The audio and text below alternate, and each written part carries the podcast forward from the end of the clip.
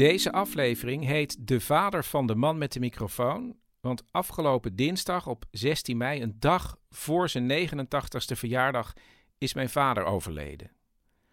Omdat hij vaak in mijn werk voorkomt, wil ik jullie twee dingen laten horen waarvan ik weet dat hij er zelf trots op was. Allereerst is dat een stuk uit een aflevering die ik in 2019 samen maakte met de Conrad Koselleck Big Band in het Bimhuis in Amsterdam. Je hoort dat het live daar is opgenomen en hier is de band bijna klaar met de tune.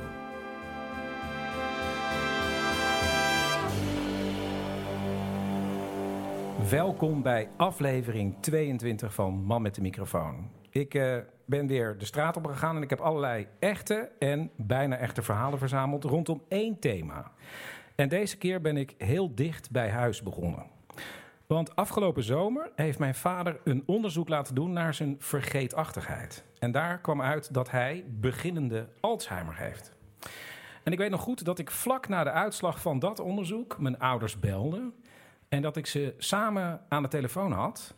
En dat ze er met z'n tweeën zo mooi over praten dat toen dat gesprek afgelopen was. En ik had het getimed, het was tien minuten, zag ik later. Dat ik opgehangen had en dat ik dacht: shit, dit had ik moeten opnemen.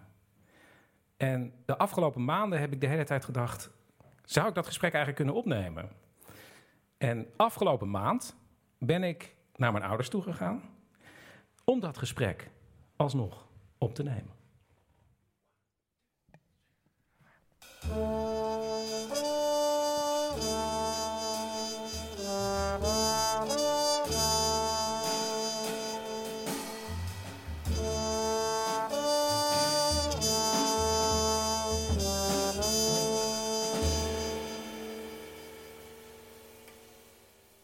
Afgelopen zomer, pap. Toch? Ja. Hebben jullie een onderzoek gehad? Of jij, heb jij een onderzoek gehad? Heb ik een onderzoek gehad? Ja. Ja, Vertel even.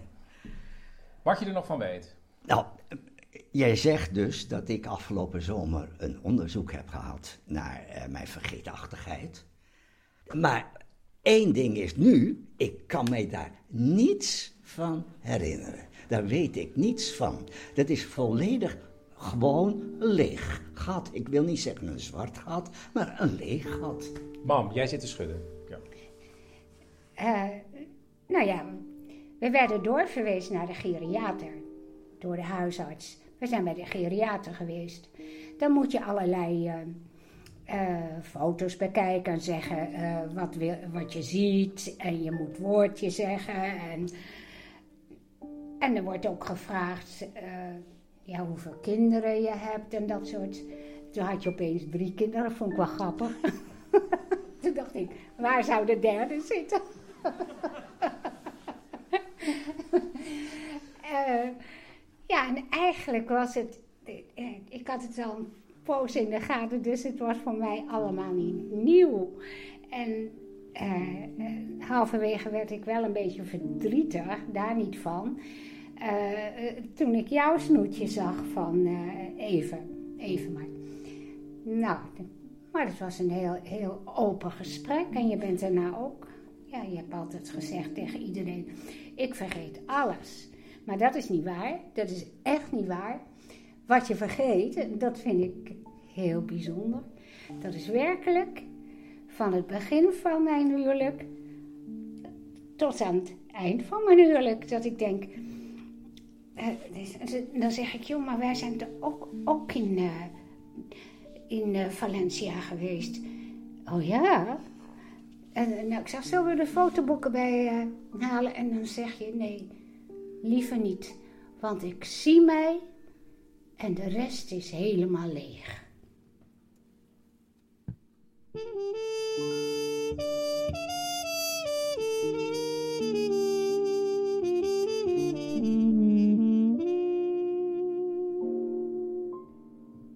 Als ik die fotoboeken zie, dan denk ik, hé, hey, ben ik daar geweest? Want ik, ik heb vroeger heel veel foto's gemaakt. Dus die foto's die in, die eh, boeken staan, die heb ik allemaal gemaakt. Maar ik herinner mij dat niet dat ik daar geweest ben en ook niet dat ik die foto's gemaakt heb.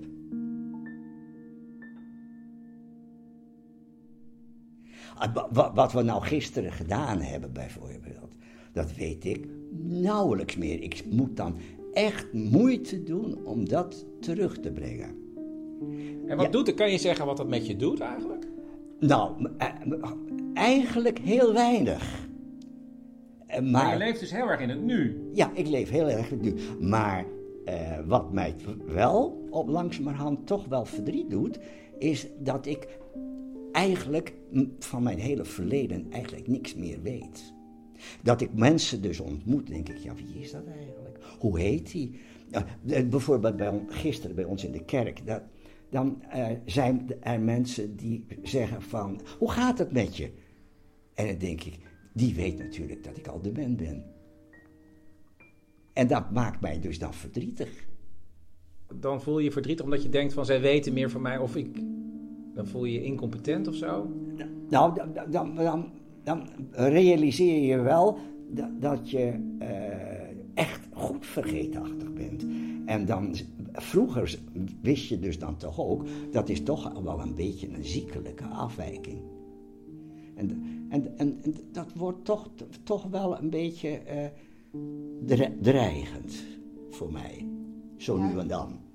Maar ik ga er toch door de, door de bank genomen heen, word ik er toch niet v- eh, dagelijks verdrietig van. Nee.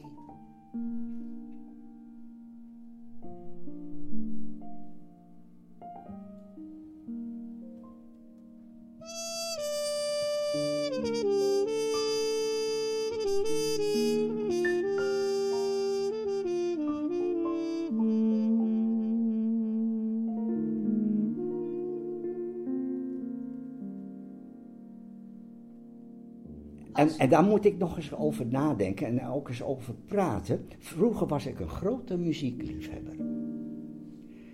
Maar op een of andere manier luister ik heel weinig nog naar klassieke cd'tjes. Die doen mij niks meer. Da- daar denk ik nog wel eens aan. Ja, Maar je, je luistert sowieso minder muziek. Ja, ja. Waarom? Ja, nou, het doet me niks meer. Je wordt er niet geëmotioneerd van of... Nee, nee. Of, of ik krijg er ook geen prettig gevoel bij. Want het is, muziek was gekoppeld aan een herinnering waarschijnlijk. aan een herinnering. En muziek roept, roept natuurlijk ook gevoelens op. En, en, als, en, en, als, dat, als, die, als je dus die herinnering niet meer hebt, krijg je die gevoelens ook niet meer, denk ik dan.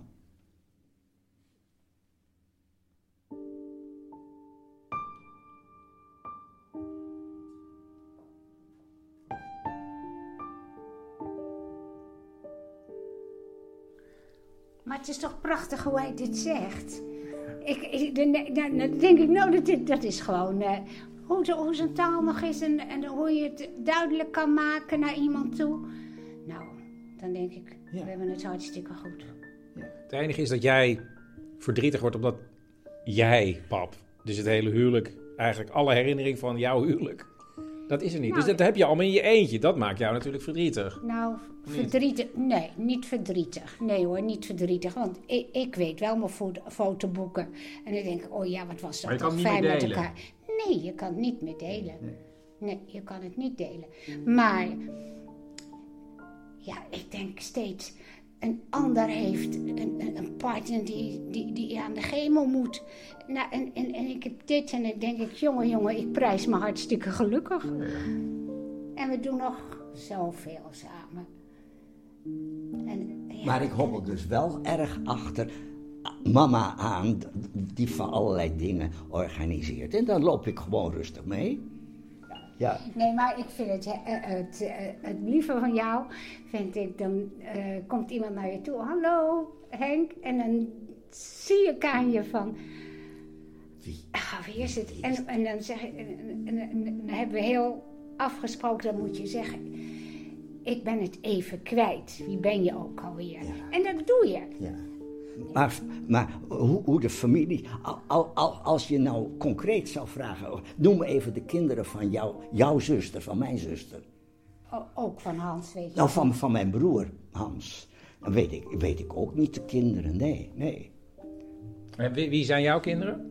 Eh, d- dat is Marijke. En jij, Hans? Nee, Christian. Nou, goed. Ja. CJH, Christian Johan Herman.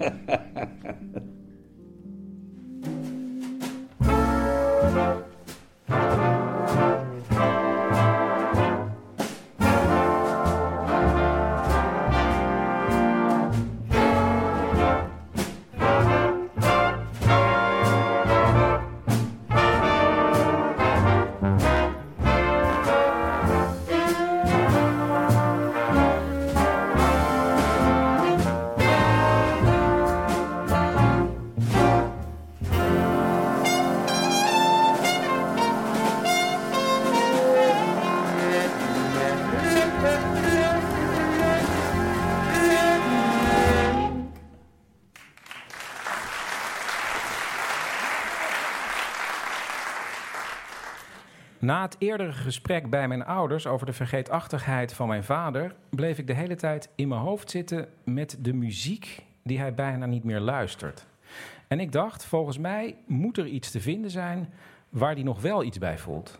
Vandaar dat ik afgelopen week nog een keer bij hem langs ben gegaan. Het loopt. Ja. Pap, ga maar zitten. Weet je nog dat ik dit opgenomen heb? Ja, Dat dat, ik- weet ik wel. ja? Ja? ik weet nog wel dat je die opnames gemaakt hebt. Waar Maar ging dat, het over? dat weet ik niet meer. Over je vergeetachtigheid. Eh, Mijn vergeetachtigheid, dat weet ik. Ja. Want ik herinner me praktisch niet veel meer. Maar je weet nog wel dat ik je heb opgenomen? Ja, dat herinner ik me. Oké, maar, en maar waar het precies over ging, dat weet je niet. Dat, weet, dat, dat zou ik niet zo meer kunnen vertellen. Oké, maar ik pak even stoel erbij. Ja. Wat namelijk een beetje atypisch was, vond ik, dat je zei dat je niet meer op muziek aansloeg eigenlijk. Oké, maar nu heb ik iets gevonden dat ik denk, ja, ik moet toch iets vinden waar je misschien nog wel op aansluit. Dus dan heb ik nu dit, zet hem op. En je moet maar even zeggen of het, of het iets met je doet.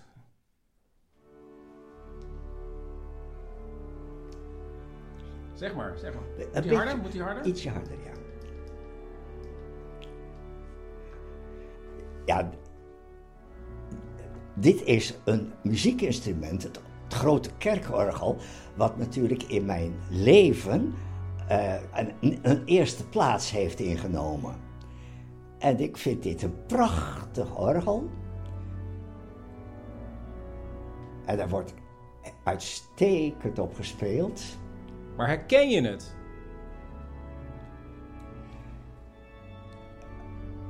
Ik, ik kan daar. Ik kan niet zeggen dat ik dit eerder gehoord heb. Wacht nog even. Als je mee kan zingen, mag je meezingen. Onze Vader zijt, vergeef ons onze schuld. Zodra er gezongen wordt, zie ik de ogen van mijn vader plots oplichten. En met een grote glimlach van herkenning begint hij mee te zingen. Niet helemaal tekstvast, maar wel tot het eind. Liefde en geduld.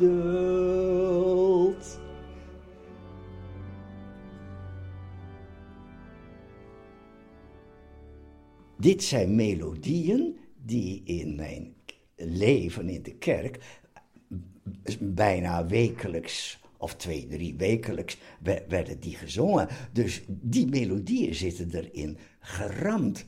Maar is dat fijn, bedoel ik? Is, Het, het- het is heel prettig, ja. Ja, daar, daar kan ik wel van genieten. Ja.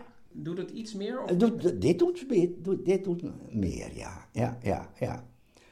Dus misschien moet je meer op, die, op dit soort muziek. Weet je, dat weet je. We- jij had vroeger een orgel hier Ja, thuis. ja, ja.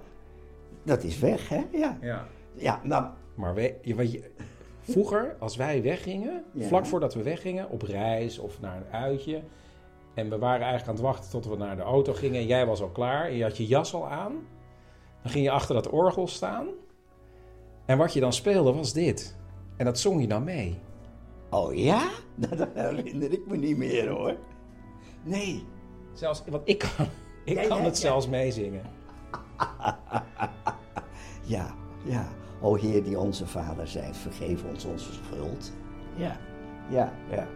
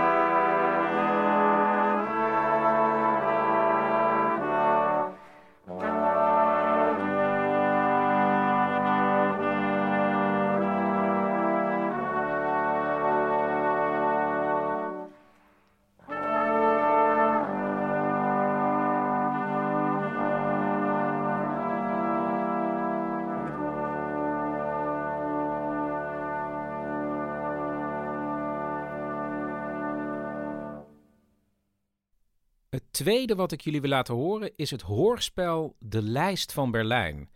Eh, en ik denk dat niet veel van jullie dat eh, gehoord zullen hebben. Dus nou ja, bij deze.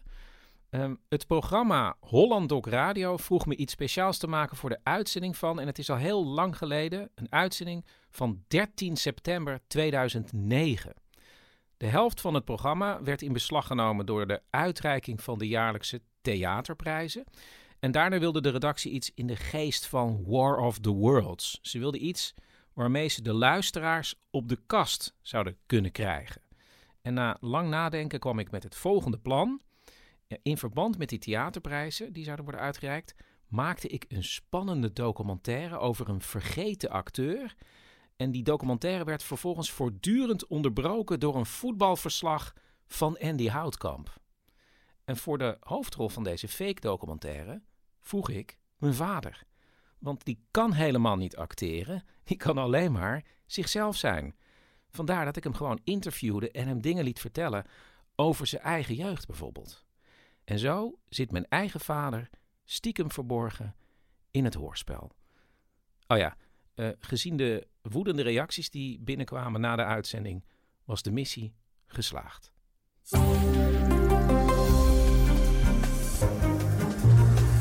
Dit is Radio 1.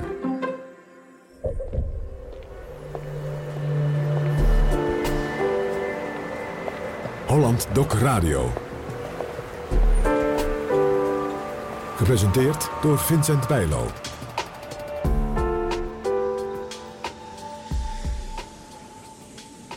Goedenavond luisteraars. Vanavond een korte, maar wel een hele volle Holland Doc.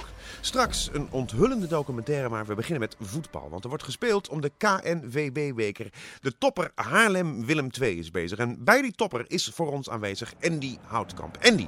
Ja, Vincent, die wedstrijd begon natuurlijk allemaal wat later vanwege een storing in een lichtmast.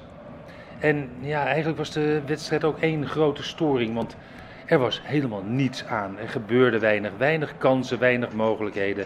En dan tien minuten geleden kwam Willem II dan toch op een voorsprong die je mocht verwachten voor een eredivisionist. Maar met heel veel moeite was het eh, Jens Jansen, de opkomende rechtsback, die een eh, doelpunt maakte na een gigantische blunder achterin bij Haarlem. 1-0 dus voor Willem II met nog een minuutje of zeven achter gaan. En ik zal blij zijn als deze wedstrijd afgelopen is. Dank je, Andy. Wij horen jou straks nog terug, mocht er iets te melden zijn. Wij gaan intussen terug naar 1960. Weet u het nog, luisteraars? Acteur Goes Overvecht maakte een stormachtig toneeldebuut met een stuk van Samuel Beckett. De recensies waren fantastisch, hij kreeg prijzen, maar toen was het plotseling stil. Goes Overvecht zette nooit meer één voet op het toneel. Men dacht altijd dat dat kwam omdat hij de druk van het acteren niet aankon. Maar onlangs ontdekte documentairemaker Chris Baayema en journalist Henk van Gelder feiten die misschien wel eens de echte reden zouden kunnen zijn waarom Goes nooit meer heeft opgetreden. Toen Overvecht in Berlijn Samuel Beckett voor de Amerikanen speelde, zou hij een lijst onder ogen hebben gekregen waarop Nederlandse acteurs staan. Namen van Nederlandse acteurs die in de Tweede Wereldoorlog gecollaboreerd zouden hebben. Na vier decennia van stilzwijgen zal Goes Overvecht vanavond hier op Radio 1 deze schokkende lijst onthullen. De lijst van Berlijn. Een radioportret van oud-acteur Goes Overvecht. Omdat men dus toch wel vreesde dat ik die lijst zou gaan bekendmaken, heeft men gezegd van ja joh, maar dan breken we jouw eh, hele toekomst als toneelspeler breken volkomen af. En eh, ja, eh, toen heb ik gedacht van ja, wat moet ik nou? Wat moet ik nou? Hij was een van de veelbelovende acteurs eind jaren 50, begin jaren 60. Goes Overvecht. Speelde een fabuleuze en nu bijna mythische monoloog van Beckett, waarna hij stopte met acteren omdat hij de druk niet meer zou aankunnen. Is dat wel zo? Of was er nog iets anders wat hem van het toneel verdreef? En wie was en is Goes Overvecht eigenlijk? Het was een jongen die opgroeide in een streng gereformeerd milieu, waar zijn talent om teksten voor te dragen al snel werd ontdekt. Ik weet nog toen ik 13 jaar was en van de lagere school afging, dat ik het beroemde verzetsgedicht eh, De 18 Doden heb voorgedragen.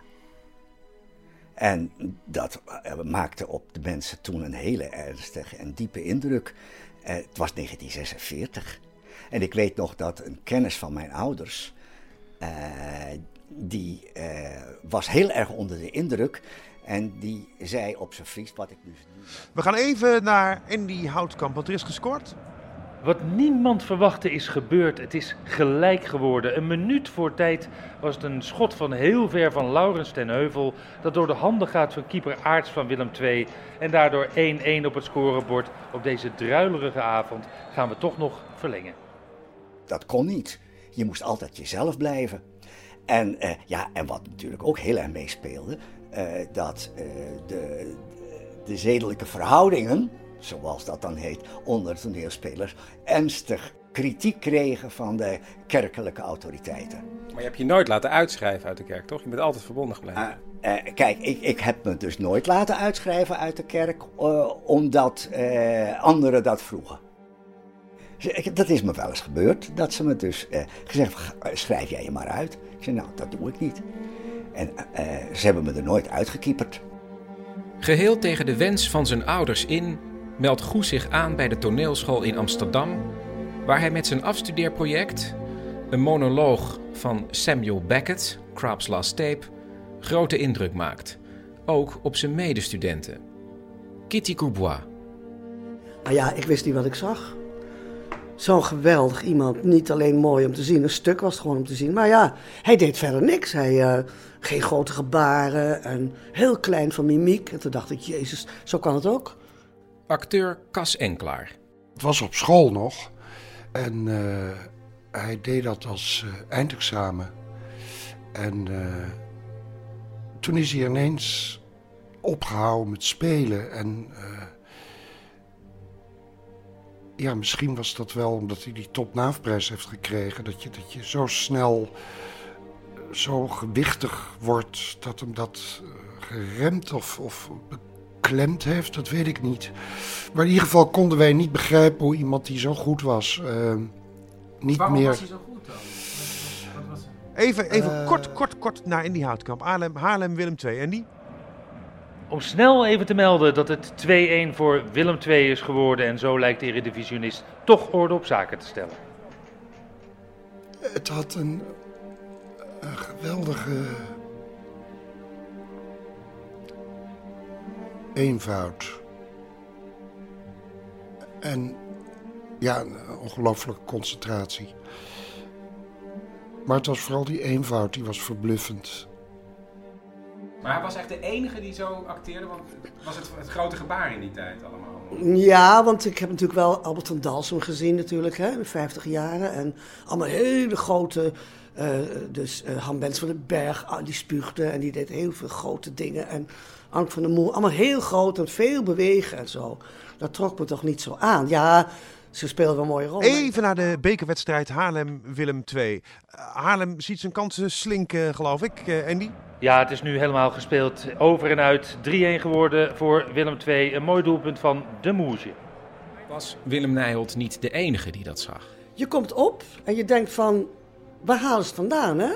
En dan, en dan vragen ze wel eens aan mij van, wat is dat nou, charisma, wat is dat nou? Ja, dat heb je of dat heb je niet. Nou, dat had Goes. Theatercriticus Hein Jansen. Dat verdwijnen is met name, eh, denk ik, toch een groot deel van de mythevorming. Of het nou ook zo'n briljant groot acteur was en een briljante grote rol.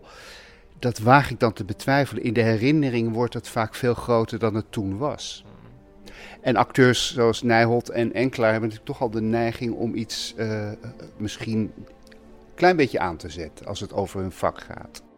Wat in ieder geval wel zeker is, is dat Beckett contact heeft gezocht met Goes Overvecht. Henk van Gelder, die een boek schrijft over de acteur.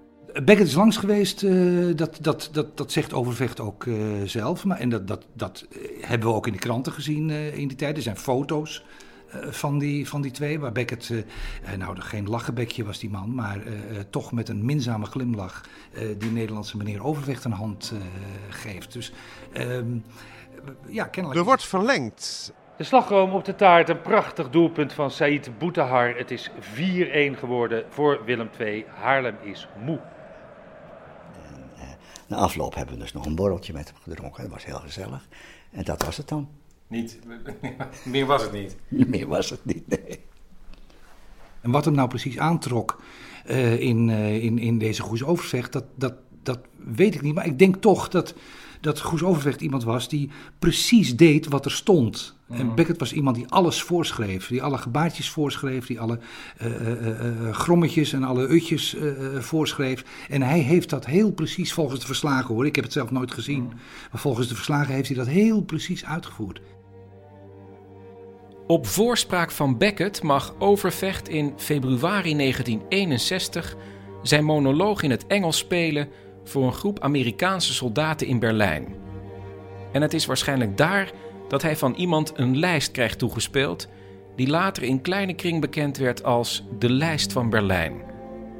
Het zou gaan om de namen van een groot aantal Nederlandse acteurs die in het bekervoetbal komt Haarlem een beetje terug, Andy?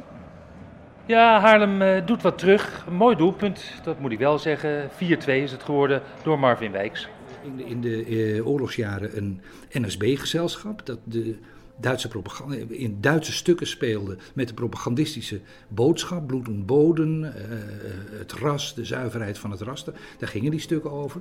Dat gezelschap werd uh, vet gesubsidieerd. Het was voor het eerst in Nederland dat een toneelgezelschap door de overheid werd gesubsidieerd. Kregen 25.000 gulden per, per jaar, het Noord-Nederlands toneel.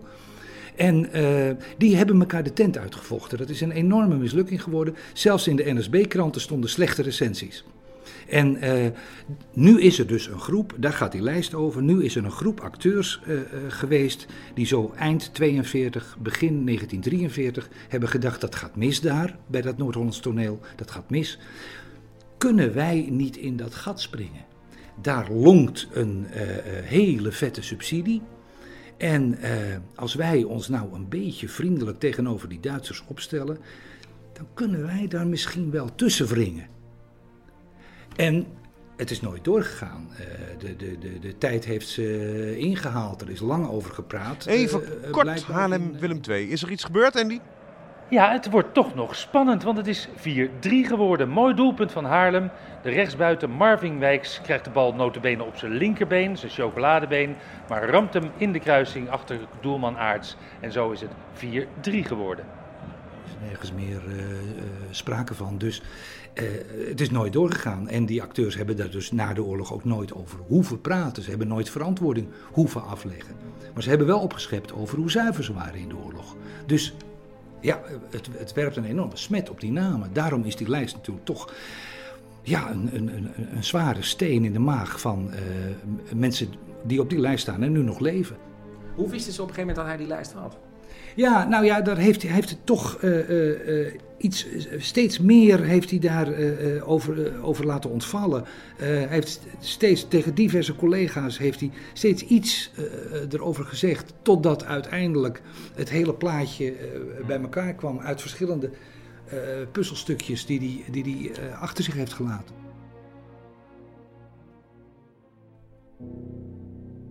Hoewel binnen kleine kring bekend was dat Goes in het bezit was van een verboden lijst, heeft hij die nooit naar buiten gebracht. Vandaar dat de lijst ook nooit in verband is gebracht met het plotselinge vertrek van Overvecht uit de Nederlandse toneelwereld. Acteur Cas Enklaar. Enfin, wij, dachten we een keer met onze klas, we gaan hem opzoeken.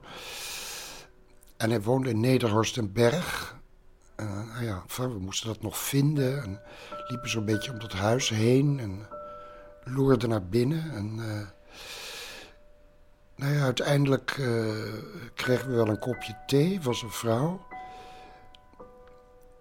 Maar hij was bijzonder zwijgzaam en het gesprek kwam niet op gang. We kwamen er ook niet achter waarom hij niet meer wilde spelen.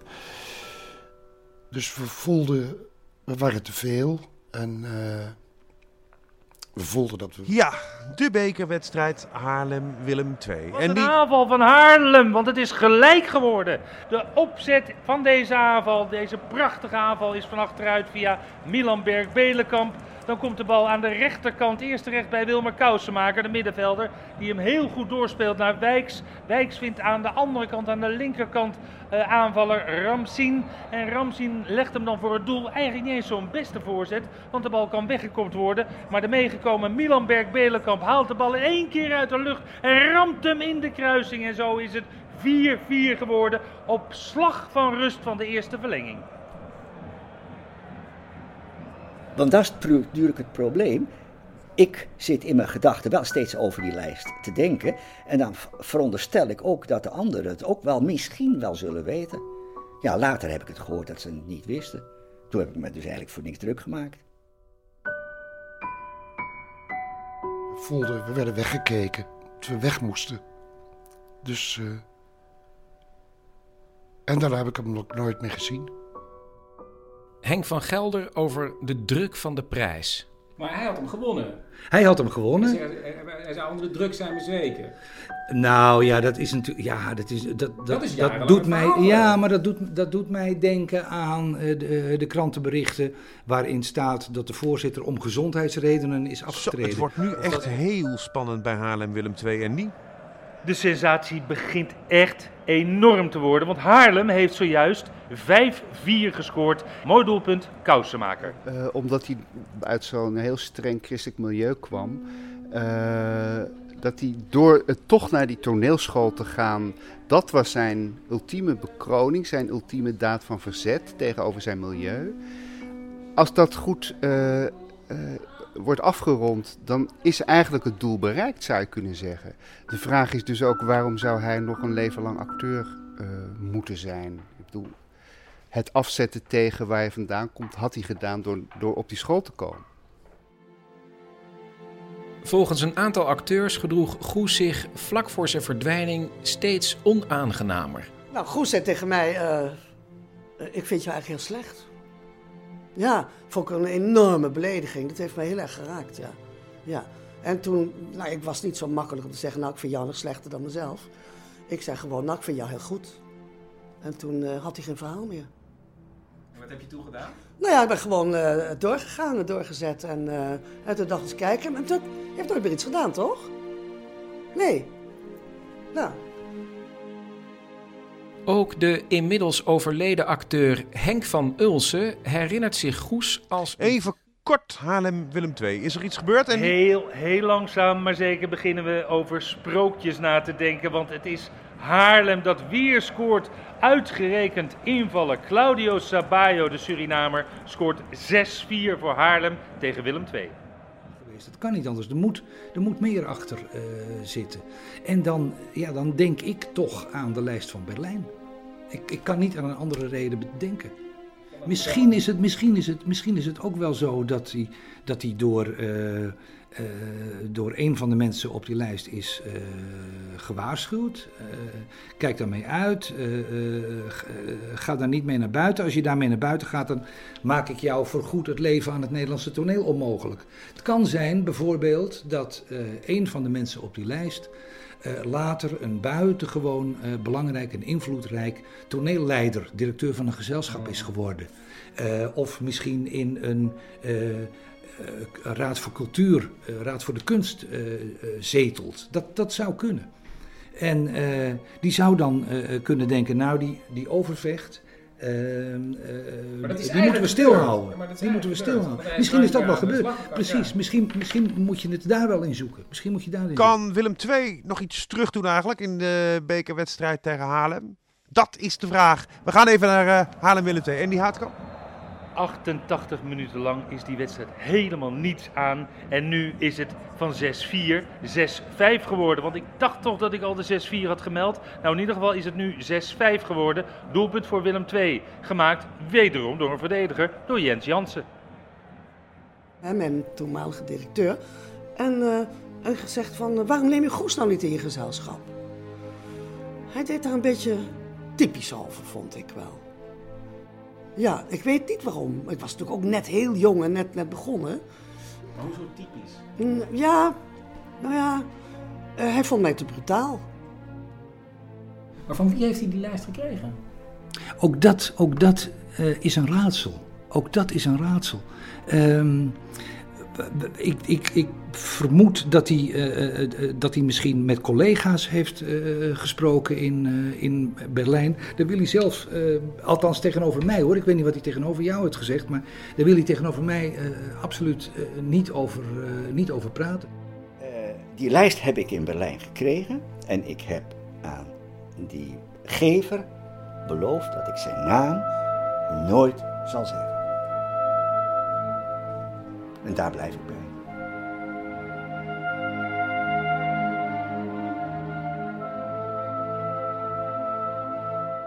En die even heel kort.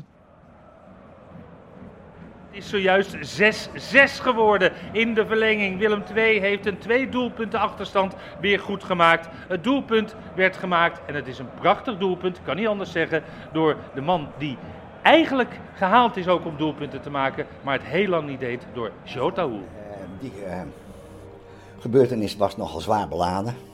Niet getrouwd, kun je je voorstellen. Familie helemaal totaal upset. En uh, de, de, moeder is met het jong ergens anders gaan wonen. En... Is er weer gescoord bij Haarlem-Willem II? Ja, het lijkt er toch op dat de eredivisionist het gaat redden.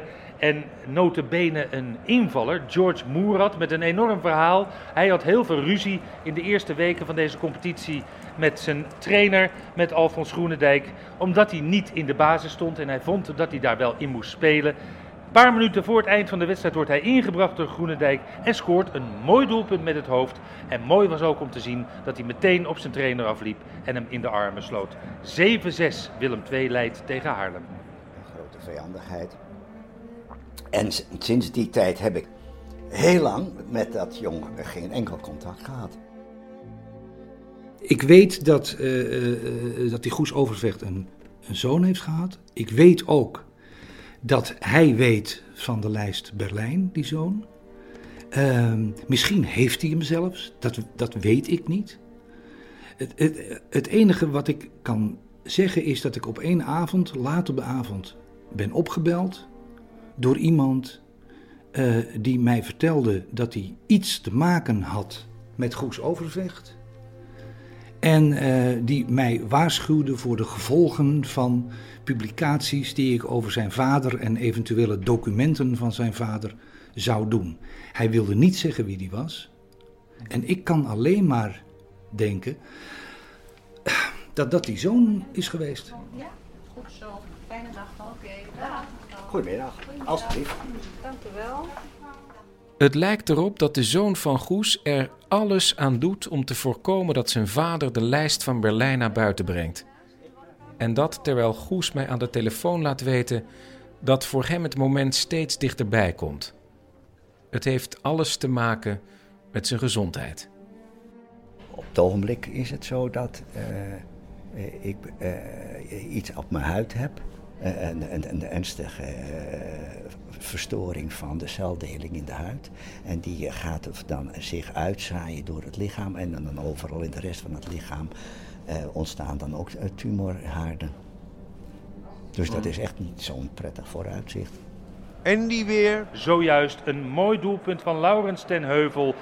Oh, meteen naar de aftrap. Meteen naar de aftrap. Het is 8-7 voor Haarlem. Hoe is het mogelijk? Weer Laurens ten Heuvel. Balverlies bij de aftrap van Willem II. Bal gaat in één keer naar voren, komt bij ten Heuvel uit. En ten Heuvel bedenkt zich geen moment en scoort 8-7. zijn. Ik heb er ooit een hele, hele, maar werkelijk een hele snelle blik in mogen werpen.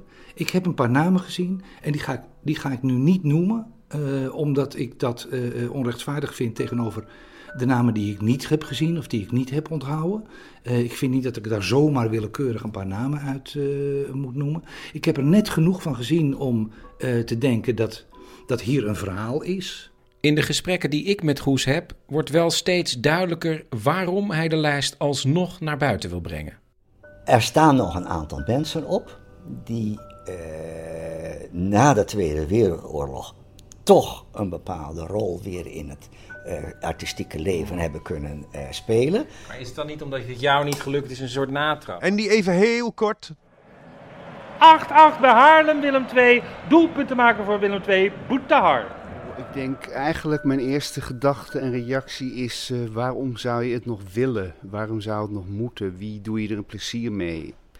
Die acteurs die het betreft, ik weet niet hoeveel, ik weet niet wie, dat, eh, die zijn of oud, 80, 85, die leven teruggetrokken, of ze zijn dood. Nou, wat, wat hebben die kinderen of die familieleden eraan?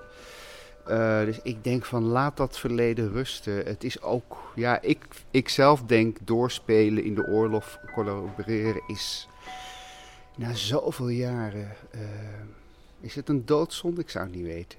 En dan denk ik, ja, als het in.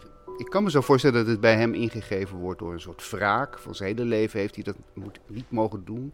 En nu kan hij nog één keer terugslaan. En wraak is nooit een goed motief. Maar mijn belangrijkste reden om te zeggen, doe het niet, is van...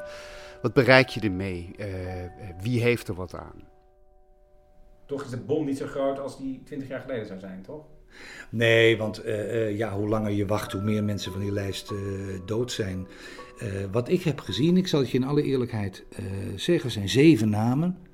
Waarvan er intussen vijf overleden zijn en één op sterven ligt. Eh, waarvan er dus nog maar één bij bij, min of meer bij zijn volle verstand over is. Nou ja, hoe langer je wacht, hoe meer doden er vallen en hoe meer zo'n verhaal van de voorpagina's van de kranten zal, zal verdwijnen. En dan is daar opeens het moment dat ik op een ochtend bij Goes ben. En hij zegt: We gaan nu naar boven. Ik pak de lijst. En ik lees de namen voor. Hier het. Zij hebben wel geprofiteerd en ik niet. Dat zit me dwars.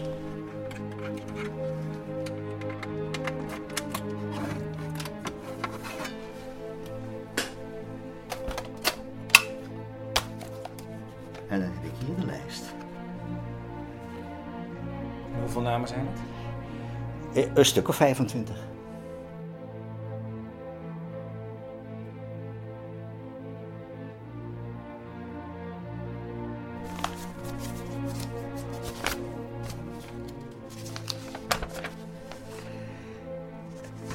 De eerste. Even, en die weer. Er is gescoord, Andy. Nee, nee, nee, nu is een keer geen doelpunt. Integendeel, er wordt niet meer gespeeld, want twee van de vier lichtmasten zijn uitgevallen. En ja, dan kan er niet gevoetbald worden. Wat de gevolgen zullen zijn voor de wedstrijd, eh, dat is eh, onduidelijk. Dat kunnen mijn collega's ook nog niet eh, precies vertellen. Waarschijnlijk wordt de wedstrijd dan helemaal overgespeeld. Zou jammer zijn vanwege dat geweldige doelpunt van Milan Bergberg. Ah, gelukkig. Er begint weer licht te komen in een van de twee lichtmasten. Dus als het een beetje meeziet, gaan we gewoon weer verder. Ook uit Amsterdam. Nou, ik stop hem hierin. Dan is het voor mij voorbij.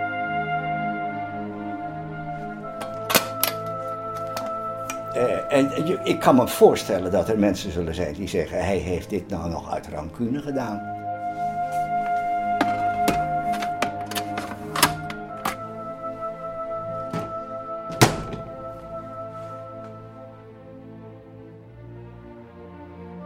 De lijst van Berlijn. Deze documentaire werd gemaakt door Chris Baayema met medewerking van Henk van Gelder, Henk van Ulzen, Cas Enkelaar, Harry Moelisch, Kitty Courbois, Hein Jansen, Willem Nijholt, Hans van Mierlo en uiteraard Goes Overvecht.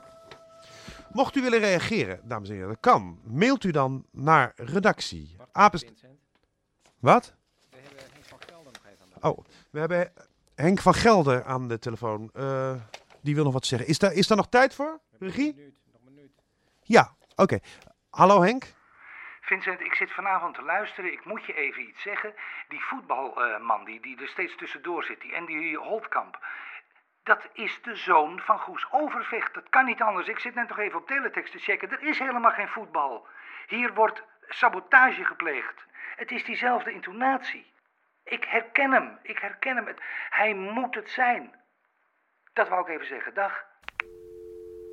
Dat, dat kan. Andy? Andy, ben je er nog?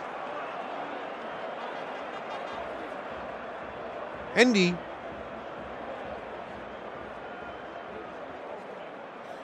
Andy?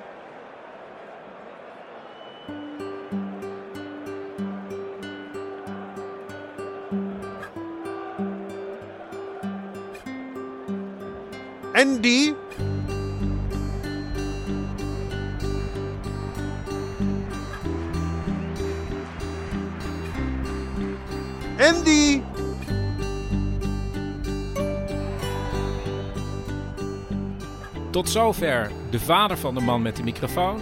Tot snel. En pap, ja, je kan me niet horen, maar toch, dank je wel voor alles.